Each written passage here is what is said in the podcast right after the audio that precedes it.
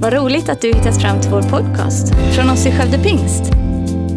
Vår bön är att den ska hjälpa dig förstå mer om vem Gud är, bygga din relation med honom och ge praktiska verktyg för ditt liv. Vi ska läsa tillsammans ifrån Ordspråksboken eh, kapitel 4. Så ska vi ta avstamp därifrån. Det jag skulle dela med er här. Ordspråksboken 4. Och eh, från vers 23 så står det någonting som är viktigt. Det står så här. Mer än allt som ska bevaras, bevara ditt hjärta. För därifrån utgår livet. Fighten om ditt hjärta, det finns faktiskt en fight som pågår om ditt hjärta. Jag tänkte på det också, det här med att, att ta fighten om saker, att, att kämpa för att bevara saker, kämpa för att behålla saker. Jag vet inte om ni är, är som jag som är med i massa sådana här kundklubbar överallt. Har, har några sådana ICA-kort och det är nu varenda gång man kommer fram i kassan så är du kund. Eller vad, vad säger man, är du med i kundklubben? Och, och, nu för tiden så, så, behöver man inte så ofta heller ha liksom särskilda kort. Det var lite jobbigt för Men nu bara har du ditt, ditt lägg eller ditt, ja, vad det nu är. Så är man med på alla möjliga, liksom, det är erbjudanden hit och dit. Och, eh, och eh, man vill ta liksom nästa nivå, komma upp till nästa nivå. Handlar du mer så får du mer rabatt och så vidare. Och så allting för att till slut få den här 50 kronors rabatten kanske och gå och lösa in på ICA för att du har handlat för 5000 kronor så får du 50 kronor rabatt och det är ju värt varenda spänn känner man när man får det där. Sen är det också så de här kundklubbarna en del att, att om man inte aktar sig så kan man bli av med sina, med sina bonusar. Jag vet inte om ni har varit med om det också. Till exempel hotels.com, det är en sån här hotellbokningssajt. Det är ju, samlar du tio eh, hotellnätter om då får du en gratis. Och jag och Karo, vi är inga stora hotellboare, eh, vad säger man? Hotell, eh, ja vi är inte så ofta på hotell. Men några år sedan var vi det, reser runt lite grann, samlar på oss lite nätter, typ en sju, åtta stycken. Och då är man ju liksom svindlande nära den där gratisnatten. Men vi hade inte så mycket på gång och så får vi då ett mail från hotels.com och säger att nu, om ni inte genomför en hotellnatt inom typ tre månader eller vad det nu var, så blir ni av med era nätter. Och då, då känner man liksom, nej! Jag vill inte, så var, var, ska vi åka någonstans? Vi måste betala en hotellnatt så vi får en gratis hotellnatt. Och jag vet inte om ni är sådär, eh, vi, vi, gjorde, vi gjorde, det blev inget med det. Vi tog inte tag i det, vi tog inte fighten ordentligt så att vi, vi blev av med de där hotellnätterna och så får man börja om från noll och sådär. Eh, men det är ju så att det finns någonting som är långt viktigare att behålla än dina bonusnätter på hotells eller dina liksom, eh, silvernivå på, på ICA. Jag vet inte vad det är, ni, men ni förstår grejen. Det finns någonting som är långt mycket viktigare att fightas för, att bevara, att behålla, att inte tappa. Och Bibeln talar om att det är ditt hjärta. Det är ditt hjärta. Och faktum är att, att även om det inte syns utifrån, det, det är lite lurigt med hjärtat för att utanpå så syns inte det, eller hur? Gör vi en röntgen, ja men då kan vi se hjärtat och vi talar ju såklart inte om den fysiska blodpumpen utan det, det talar ju om vårt innersta, vårt, vårt sinne, vårt hjärtas tankar. Eh, vad, vad är det som pågår där egentligen? Eh, och, och eh, liksom det är så lätt att vi kämpar för kanske de här lite mer liksom, triviala sakerna som att inte bli av med hotellnätter eller få komma till nästa nivå på SJ eller vad det nu är för någonting. Men vi, vi, vi, vi glömmer bort att ta fighten för våra hjärtan. Vi glömmer bort att vårt hjärta samtidigt som, som, vi, som vi gör allt det här på utsidan eller som vi, som vi liksom kämpar för en massa olika saker så är frågan hur mycket vi kämpar för våra hjärtan. Det som var så självklart kanske när du var tonåring eller det som var så självklart när du var nyförälskad i Jesus. Och så bara nu så har det liksom det driftat, det har, det har, det har skjutits bort och, och, och, vi kanske liksom skojar bort lite grann. Jo, ja, men det var, det, det var då, och då var, då var man brinnande och då var det Jesus för hela slanten och då, då kunde man sjunga allt till Jesus vill jag lämna för då hade man bara 300 kronor på kontot och då, då var det inte så farligt. Men nu liksom, livet blir komplicerat. Um, och, och vi, liksom, vi, vi, vi skojar bort det där eller vi, vi, har, vi har tillåtit andra saker att bli mer viktiga än Gud själv. Och även om vi inte skulle erkänna det så, så är det stor chans att våra hjärtan driftar, att våra hjärtan skiftar fokus, att våra hjärtan blir hårda. Att våra hjärtan blir liksom fulla av allt annat än det som Gud vill att de ska vara fulla i. Och ju mer våra liv hopar sig, desto lättare är det. Så mycket som vill ha vår uppmärksamhet, så mycket som vill ta din tid, så mycket som vill ha ditt fokus, dina pengar, din tid, liksom vad det nu är för någonting. Jag stod här uppe på predikstolen, i predikstolen, vad är, vad är det för någonting? Det är det här, predikstolen. Ska man sätta sig här? Nej men, ja, ni förstår. Jag stod här uppe i alla fall för ett antal år sedan när vi precis hade köpt hus. Jag vet att jag sa en gång att, hallå, säg till mig om ni ser att huset blir viktigare för mig och min, min fru än Guds hus. Säg till mig om det blir så att nej men nu är det huset som är viktigare, jag har inte tid att komma till kyrkan, jag har inte tid, jag, jag har inte pengar längre att ge, eh, liksom nu, nej nu, nu har vi inte, nu är det liksom huset för hela slanten. För att det är så lätt när livet hopar sig att vårt fokus skiftar, att vi tappar riktningen i våra hjärtan. Jag inser samma sak nu när vi har blivit välsignade med en liten pojke som är lite drygt ett år nu då. Eh, och eh, jag inser också, han är den största välsignelsen, den största glädjen. Det är fantastiskt att ha barn. Men det är också så att barnen kan bli någonting som får våra fokus, våra hjärtan att, att drifta, att, att, att liksom skifta, att, att drifta bort ifrån Gud själv. Att det var inte lika viktigt längre, det där som förut var så viktigt. Och så får nästan barnen bli ens Gud, faktiskt. Eh, och det kanske, det, och, och, självklart är det så att livet förändras. Självklart är det så att det finns olika säsonger. Självklart är det så att, att våra barn ska ta en stor del av våra liv i anspråk, naturligtvis. Men jag tror att, att vårt hjärta kan vara intakt, vårt hjärta kan förbli detsamma. Även om de yttre omständigheterna förändras. Så tror jag, det är min fasta övertygelse att vi kan leva genom våra liv med ett brinnande hjärta. Även om vi kommer till en tid i våra liv kanske där, där sjukdom tar över eller vad vet jag, när, när hälsan sviktar och vi blir gamla och vi blir äldre och vi orkar inte. Så tror jag att vi kan bevara vårt hjärta. När barnen växer upp och tar all tid i anspråk och sömn och allt vad det är för någonting så tror jag att vi kan bevara vårat hjärta även om det kommer en säsong i våra liv där det yttre förändras. Men vi behöver vaka över det. Framför allt bevara ditt hjärta för därifrån utgår livet. Det som ditt hjärta är fullt av, det är det som kommer forma ditt liv. Det är det som kommer att, att, att bygga ditt liv. Och då kan man fundera på vad är egentligen vägen till hjärtat? Hur kommer man till hjärtat? Vad, vad, är det som är, vad är det som är där inne så att säga? Jesus han talar om det väldigt så här rakt på sak i Matteus kapitel 6 och vers 21. Där säger Jesus så här att där din skatt är, där kommer också ditt hjärta att vara. Oj, det blev väldigt praktiskt här. Där din skatt är, där finns ditt hjärta. Där det finns det som du prioriterar, det som du värderar, det som du investerar i, där är ditt hjärta. Och det blir väldigt, det blir väldigt naket, det blir väldigt ärligt, det blir väldigt rakt på. Eh, och så att hitta vägen till ditt hjärta, så titta vart finns skatten i mitt liv?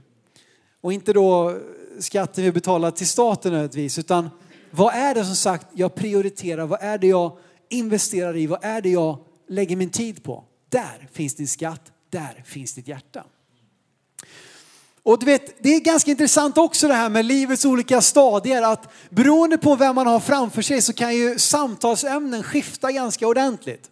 Så på tal om det här med barn då. Att är man med andra småbarnsföräldrar så är det liksom direkt så har man någonting att prata om. Man pratar om blöjbyten och man pratar om sömntider, liksom, man talar om skärmtid och man pratar om hur går det med, med maten, hur går det? Därför att man har investerat så mycket i det. Så att hjärtat är fullt av det, det bara bubblar över. Om man pratar om det och pratar om det, det är väldigt tydligt att det är någonting du har investerat i. Pratar du med en husägare, helt plötsligt är man intresserad av fast eller rörlig ränta och hur ska vi värma upp huset och ja, du ska man ha sån här vatten, eh, vad heter det, vattenluftpump eller ska man ha bergvärme? Jo, men det är lite bättre verkningsgrad på det jag har hört och det har jag läst och så vidare. Man får annat, eh, liksom hjärtat är fullt av det. För det är någonting jag har investerat i. Kan tala med en duktig kock som är helt upptagen liksom, blir vansinnig när man får in en, en, en stek med fel tillagningstemperatur. Hur kan man förstöra köttet på det här sättet? Eller hur kan man, hur kan man behandla den här vackra, fantastiska råvaran och liksom slänga det här eller släng det där i väggen eller vad det är för någonting. Därför att det är någonting man har investerat mycket i och då är hjärtat fullt av det. Och du vet att det är naturligt som sagt att hjärtat är fullt av det, för vi har investerat i det. Du vet, det du är delaktig i, det värderar du. Och nu är det inte bara det som du lägger tid på, det är inte säkert att du värderar det. Du kan lägga massa tid på någonting som du, som du inte alls tycker om och som du inte alls vill vara med om. Är det någon som har varit på biologilektion till exempel någon gång? Eller? Nej. Ja. Inte vad jag minns, nej exakt. Du vet, man kan sitta där och, ja, det var, ni är lite ströga då, men jag får väl jobba lite med det här. Ja, men man kan sitta någonstans, och, och, men det är ändå inget man värderar. Men det jag är delaktig i, det jag liksom tar del utav, det är ju någonting som jag värderar. Det här värderar jag, därför lägger jag tid på det. Och det som jag då värderar, det kommer jag att prioritera. Ja, det här är viktigt för mig, då prioriterar jag det. Det kan vara träning till exempel. Eh, att det är viktigt för mig med träning, ja men då kommer jag att prioritera det. Eller det är viktigt för mig med vad det nu är för någonting. Det kommer du att prioritera. Och det du prioriterar, det kommer att börja växa. Så att var någonstans, vad är det som jag lägger min tid på? Vad är det jag gör mig själv delaktig i? För det är det som jag kommer börja värdera och det är det jag kommer börja prioritera och det jag prioriterar det kommer börja växa. Det jag investerar i det kommer börja växa. Oavsett om det är bra eller dåligt. Så det du så att säga satsar mycket på, det kommer att växa. Och här ska du få någonting du kan skriva ner att ju mer du investerar i något, desto mer värdefullt blir det för dig. Ju mer du investerar i något, desto mer värdefullt blir det för dig. Du vet att ibland så kan man tycka så här att kanske ens äktenskap håller gå, på att gå i stå. Då kan man fråga sig själv, för det första, vad har jag investerat i mitt äktenskap det sista året? Vad jag har lagt in i det? Jag har inte lagt in någonting, har, vi, har inte liksom, vi har inte umgåtts, vi har inte, vi har inte pratat, vi har inte gjort någonting, vi, har liksom, vi, vi lever våra egna liv. Jag undrar på att, att det knakar i fogarna. Men kanske att lösningen inte är nödvändigtvis att hitta en annan, att, att liksom skilja sig, utan lösningen kanske är att du skulle investera mer i det. För att då kommer det börja bli mer värdefullt för dig. Eh, eller vad det nu är för någonting. Så att vägen till hjärtat det går via vart vi har våran skatt, var vi har det som vi tycker är viktigt. Och någonting kan bli viktigt för dig om, det, om du är villig att investera i det. Under de här veckorna så har vi läst mycket från Hagga i bok och jag skulle vilja läsa ett par verser som jag tycker är liksom bara kännetecknande på något sätt för, för det här som, som, som, som vi har läst om och det som jag upplevde så tydligt redan i våras. Att Gud la på mitt hjärta att, att tala om de här veckorna och inför den här nya hösten, nya året. Vi ska läsa från Hagga i bok kapitel 2, vers 8 och 10. Jag läste flera gånger redan de här, de här söndagarna, men vi läser det igen bara för att påminna oss och kanske du inte har varit här och så vidare. Men där säger Gud så här, att jag ska skaka om alla hedna folk och alla folkens skatter ska komma hit. Jag ska fylla detta hus med härlighet, säger Herren Sebot. Mitt är silvret och mitt är guldet, säger Herren Sebot. Den kommande härligheten hos detta hus ska bli större än den förra, säger Herren Sebot. Och på denna plats ska jag ge frid, säger Herren Sebot. Ett fantastiskt bibelställe som jag tycker bara säger några saker. För det första att Gud bygger sin kyrka. Jag ska fylla detta hus med min härlighet. Jag ska ge frid. Jag, har, jag ska skaka. Jag ska göra. Gud håller sin hand om sin kyrka. Och Gud han har kontrollen. Eh, och Gud, det är han som gör skillnaden i allt det vi gör. Vi får aldrig tappa det fokuset. Och han har inte tappat greppet än idag. När det här skrevs, när det här sades, då hade liksom, eh, då verkade det som att det här med, med Gud och med templet och med, med liksom, eh, allt det här, det höll på att sina och, och tyna bort. Men Gud hade inte heller då tappat greppet och inte heller idag har han tappat greppet. Han har inte släppt taget. Gud bygger sin kyrka än idag. Gud har kontrollen. Det står också här att, att, att silvret och guldet är mitt. Det är ganska kaxigt. Silvret och guldet är mitt, guldet tillhör Gud. Vår Gud är en rik Gud. Vår Gud har, har stora resurser. Eh, han är alla goda gåvors givare, säger Jakobs brev. Han är vår försörjare. Och då är det också så att våra pengar och det våra ägodelar kan aldrig få ett större syfte än när de används till att bygga Guds rike. Att när det jag har fått, när jag investerar det för att vara med och bygga det som Gud bygger, då, får, då finner det ett syfte som är större än, än, än någonting annat. Någonting mer som den här bibel, bibeltexten säger är att framtiden är ljus. Framtiden är ljus. Den kommande härligheten hos detta hus ska bli större än den förra, säger Herren. Därför att Gud har alltid sitt fokus framåt. Gud har alltid blicken fäst framåt. Han har alltid en plan, han har alltid en väg dit. Han vill mer, han har liksom stora tankar för oss. Eh, och det är bara också någonting som, som jag tror att vi, vi måste bara få med oss, få in det i våra liv. Att, eh, du vet, ibland så tror jag att han vill mer än vad vi vill. Eh, och frågan är om vi bara kunde plugga in våra hjärtan i Guds vision, plugga in våra hjärtan i Guds planer. Eh, så att vi också fick se ännu mer av det han vill i våra liv, i vår kyrka. Någonting mer som de här bibelverserna säger, är vad är målet då? Vad är målet med allt det här? Guldet och silvret, det ska skakas och det ska byggas och det är hus och det är härlighet. Vad är meningen? Vad är syftet? Jo, på denna plats ska jag ge frid. Målet är frid. Målet är att människor ska få gå från kaos till frid. Att människor ska gå ifrån allt det som skakar runt omkring till att bara komma in i Guds underbara närvaro. Där allting omkring tynar bort, där allting bleknar och kvar finns bara Jesus. Oavsett hur stormiga våra liv är, oavsett hur liksom vägen har varit kantad av olika svåra saker, så kan vi få komma till Gud och få uppleva hans frid, hans frälsning. Genom tron på Jesus så kan vi få ta emot det som han har gjort för oss och säga Herren är min frid. Herren är min frid, han är min shalom, han är den som tar hand om mig. Han är den som bevarar mig mitt i stormen, mitt i allting. Och det är det som är målet. Och när vi nu talar om en kyrka som människor vill bli en del av, när vi talar om att vi vill sträcka oss, att vi vill göra stora saker för Gud, att vi vill bygga ut, att vi vill göra alla möjliga saker, vi vill anställa eh, liksom inom barn och ungdom, vi, vi drömmer om det här. Varför då? Väldigt vad ni pratar om pengar, väldigt vad ni pratar om allt det här. Ja men målet är att det här ska vara en plats där människor finner frid. Och då måste det finnas resurser. Då måste det finnas kraft. Det kan inte vara en stängd dörr här ute som är låst. Därför att ingen är här. Det, det är liksom värmen är inte betald så det är kallt här inne och ljudanläggningen den, den har vi sålt. För det, det, det, det är tuffa tider nu. Nej, om vi ska kunna möta människors andliga behov så behöver vi vara en resursstark kyrka. Som har mat i skafferiet, som har liksom hopp att förmedla, som har muskler att hjälpa, som kan finnas där för en till. Och jag älskar en kyrka uttryckte det så här, att de ville vara små nog för att känna dig och de ville vara stora nog för att hjälpa dig. Jag älskar det uttrycket.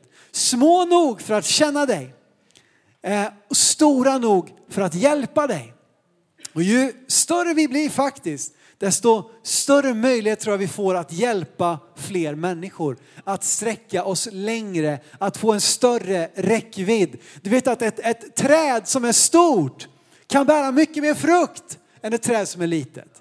Vi håller på och kämpar hemma. Vi pratar ofta om våra, våra, våran trädgård, jag och Carro. Det känns som det är, det är det enda liksom vi har att prata om här framme. Men det, det är väldigt, väldigt tydliga bilder. Vi har några stackars eh, nyplanterade päronträd där hemma. Och när vi fick det då var det ett päron på den. Och nu två år senare har vi inte fått ett enda päron till. Men det ska komma i Jesu namn. Men du vet om trädet hade varit större, då kunde det ge mer frukt. Ett litet träd, liten frukt. Stort träd, stor frukt enkel matematik. Och jag tror att vi som kyrka, om vi blir större och starkare, och du, vet, det här, du tycker någon, oj det här är lite osvenskt Simon, man får inte tala om att man ska vara stark, att man ska vara stor, att man ska nå ut. Jag tror vi behöver stänga det åt sidan, men bara liksom med Guds hjälp, vi vill växa så att vi kan hjälpa fler. Målet är frid, en plats där människors behov och längtan möts av en kärleksfull Gud och hans överflödande nåd och godhet. Så frågan är då, på tal om det här med hjärtat, var är ditt hjärta egentligen? Var är ditt hjärta idag när vi pratar om allt det här? Vart är ditt hjärta någonstans? Bibeln har över 500 verser som talar om bön. Det är ganska mycket, 500 verser. Bibeln har nästan 500 verser som handlar om tro. Men vet du vad? Mer än 2000 verser handlar om pengar och ägodelar. Det är dubbelt så mycket en bön och tro tillsammans handlar om pengar och ägodelar. Varför då? Du vet att Jesus, han använder ju ofta liknelser. Du vet, han använde massor olika liknelser för att, för att förklara vad han menade. Han talade också om, om saker som växte. Han talade om, om, om surdegar, han talade om, om pärlor och till svin. Och, alltså, han använde hela tiden liknelser. 38 stycken liknelser finns det i evangelierna. 16 av dem handlar om pengar och ägodelar. Nästan hälften av alla liknelser som Jesus har talar om de här sakerna. Varför då? Varför då? Jo, för att pengar är livets stora test som handlar om vad vi sätter vår tillit till. Det finns ingenting annat som, som så lätt, liksom, som, som så konkurrerar om platsen vad vi verkligen litar på. Litar jag på Gud eller litar jag på mitt sparkonto? Vi kan ha båda två. Du får gärna ha sparkonto. Det, jag tycker du ska ha det om du har möjlighet till det. Absolut. Men är det viktigare för dig än Gud? Litar du på Gud med din ekonomi? För att annars är det stor risk att pengarna egentligen är där ditt hjärta är. Det är där du har din skatt så att säga. Pengar, man kan ha olika liksom, eh, syn på pengar. Man kan leva i högmod över pengar som något vi har förtjänat själv och det här ska jag minsann spendera på mig själv för jag har kämpat hårt för varje krona och jag har mycket pengar men det ska ingen annan komma in på en räkmacka här och få del av det som jag har kämpat ihop med. Så nu ska jag njuta så mycket jag bara kan, så länge jag kan och så vidare. Man kan leva i en fattigdomsmentalitet där man nästan skäms över att ha pengar. Eller där man liksom, nej inte ska väl jag, nej lilla jag, jag ska inte ha någonting och nej, nej, nej, nej. Och vi kan också leva som förvaltare. Vi kan leva, jag har pengar, men jag förvaltar pengarna åt min far. Jag tar hand om det som är Guds. Där vi ser våra pengar och ägodelar som något Gud välsignat oss med och som vi vill använda för att bygga hans rike. Det är att vi vecka efter vecka talar om pengar och gör insamlingar. Det handlar inte bara om att vi vill samla in utan det handlar också om att vi vill hjälpa dig in i det liv som Gud har tänkt för dig. Eh, och, och, och pengar, om vi kan liksom knäcka pengarnas härskar, eh, liksom herre, herreskap i våra liv så tror jag att vi är på god väg att verkligen komma in i den frihet som Gud vill ge oss till syvende och sist handlar om vem är det som är herre i mitt liv. Jesus säger det återigen sylskarpt, knivskarpt, Matteus 6 och 24. I samma sammanhang där han talar om att, att där, där din skatt är, där kommer också ditt hjärta att vara. Så säger han lite senare här i Matteus 6.24, ingen kan tjäna två herrar. Antingen kommer han att hata den ene, älska den andra eller hålla fast vid den ene, förakta den andra. Ni kan inte tjäna både Gud och mammon. Och vad är mammon då? Jo, mammon det är när pengar har blivit en avgud. Mammon är när pengar har blivit någonting att dyrka, när pengarna har mig snarare än att jag har pengar. Eh, och det är så lätt att det, att det blir här i våra liv, att det styr våra val, att det styr vår ekonomi, vår tid och våra prioriteringar. Och jag skulle vilja föreslå någonting för dig. Att kanske det är så att någon av oss, eller, eller vi, många av oss, behöver en hjärttransplantation. Kanske är det så att du och jag behöver just det. Kanske är det så att pengar eller intressen eller relationer eller traditioner eller något annat fått fel plats i våra liv. Att det blir precis sådär att pengarna har mig istället för att jag har pengar. Intresset har mig istället för att jag har ett intresse. Traditionen har mig istället för att jag har en tradition. Vad är det som är herre och vad är det som är tjänare i ditt liv? Och det här är så viktigt att kalibrera sig. När man står där hemma liksom, har det här blivit en herre i mitt liv? Har det här blivit någonting som styr mig? Har det här blivit någonting som kontrollerar mig? Nej, det, det, liksom, det kan vara traditioner. Traditioner är bra så länge de är fruktsamma och liksom livgivande. Då kan vi ha traditioner. Men om traditionerna börjar begränsa och boxa in oss och vi nästan börjar betjäna traditionen snarare än vad som är ett större syfte eller intresset. Att det är sådär att våra intressen, våran hobby, det bara slukar all vaken tid, det slukar all, allt vårt fokus, det slukar varenda liksom stund på dagen så tänker vi på våran, vårat intresse, vår hobby och bla, bla, bla det tar alla våra pengar vi satsar på det, bla, bla, bla. Det har blivit en herre i ditt liv. Vad är det egentligen som är herre och vad är det som är tjänare? Vi kan ha ett själviskt hjärta. Vi är alla själviska. Eh, I oss själva är vi som vilken tvååring som helst som ropar min. Jag läste här om, eller fick, lyssnade till en psykolog som sa att tvååringar är den mest våldsamma gruppen människor i hela världen. Som kollektiv. Det är ganska intressant. De sparkar och de bits och de riffs och de ropar och de tar av de andra och de vill ha sina grejer. Men någonting händer där har jag förstått. Så vi, vi håller på att ladda upp nu inför den här perioden våra liv. En mänsklig grundinställning är att samla på sig så mycket som möjligt och undvika att dela det med andra.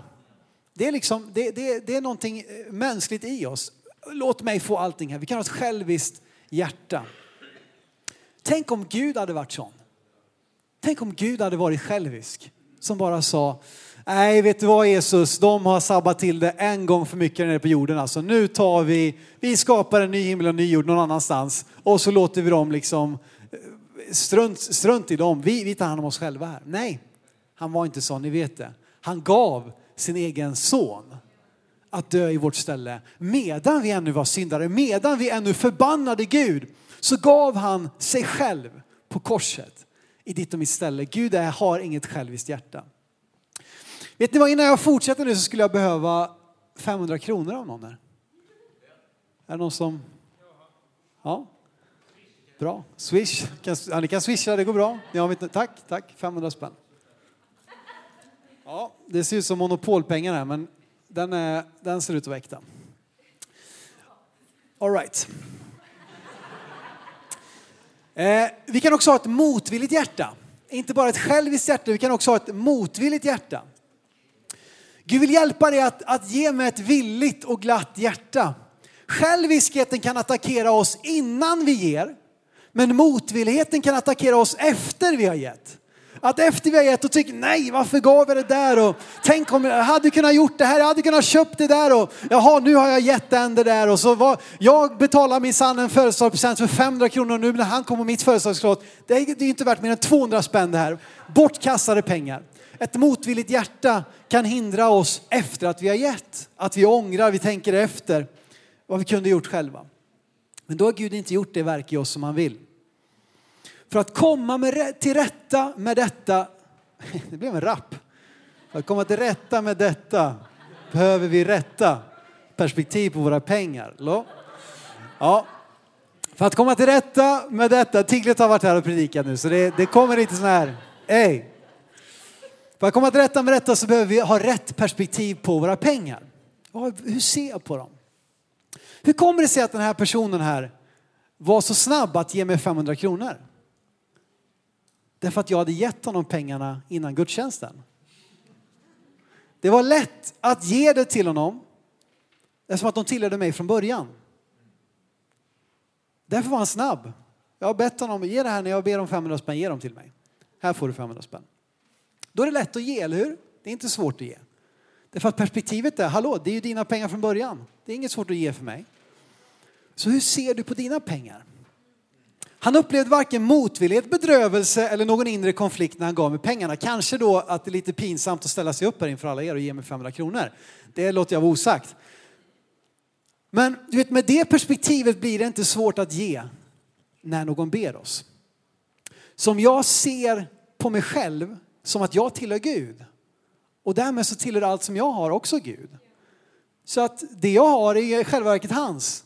Och om det är hans då är det inget svårt för mig att ge det till honom, eller hur? Om jag ser det på mitt, nej 10 procent! Ska jag verkligen ha 10 procent? Va? Rån! 10 procent? Kan jag ge 20 procent? Kan jag 30 procent? Kan jag 50 procent? Kom igen, det tillhör honom.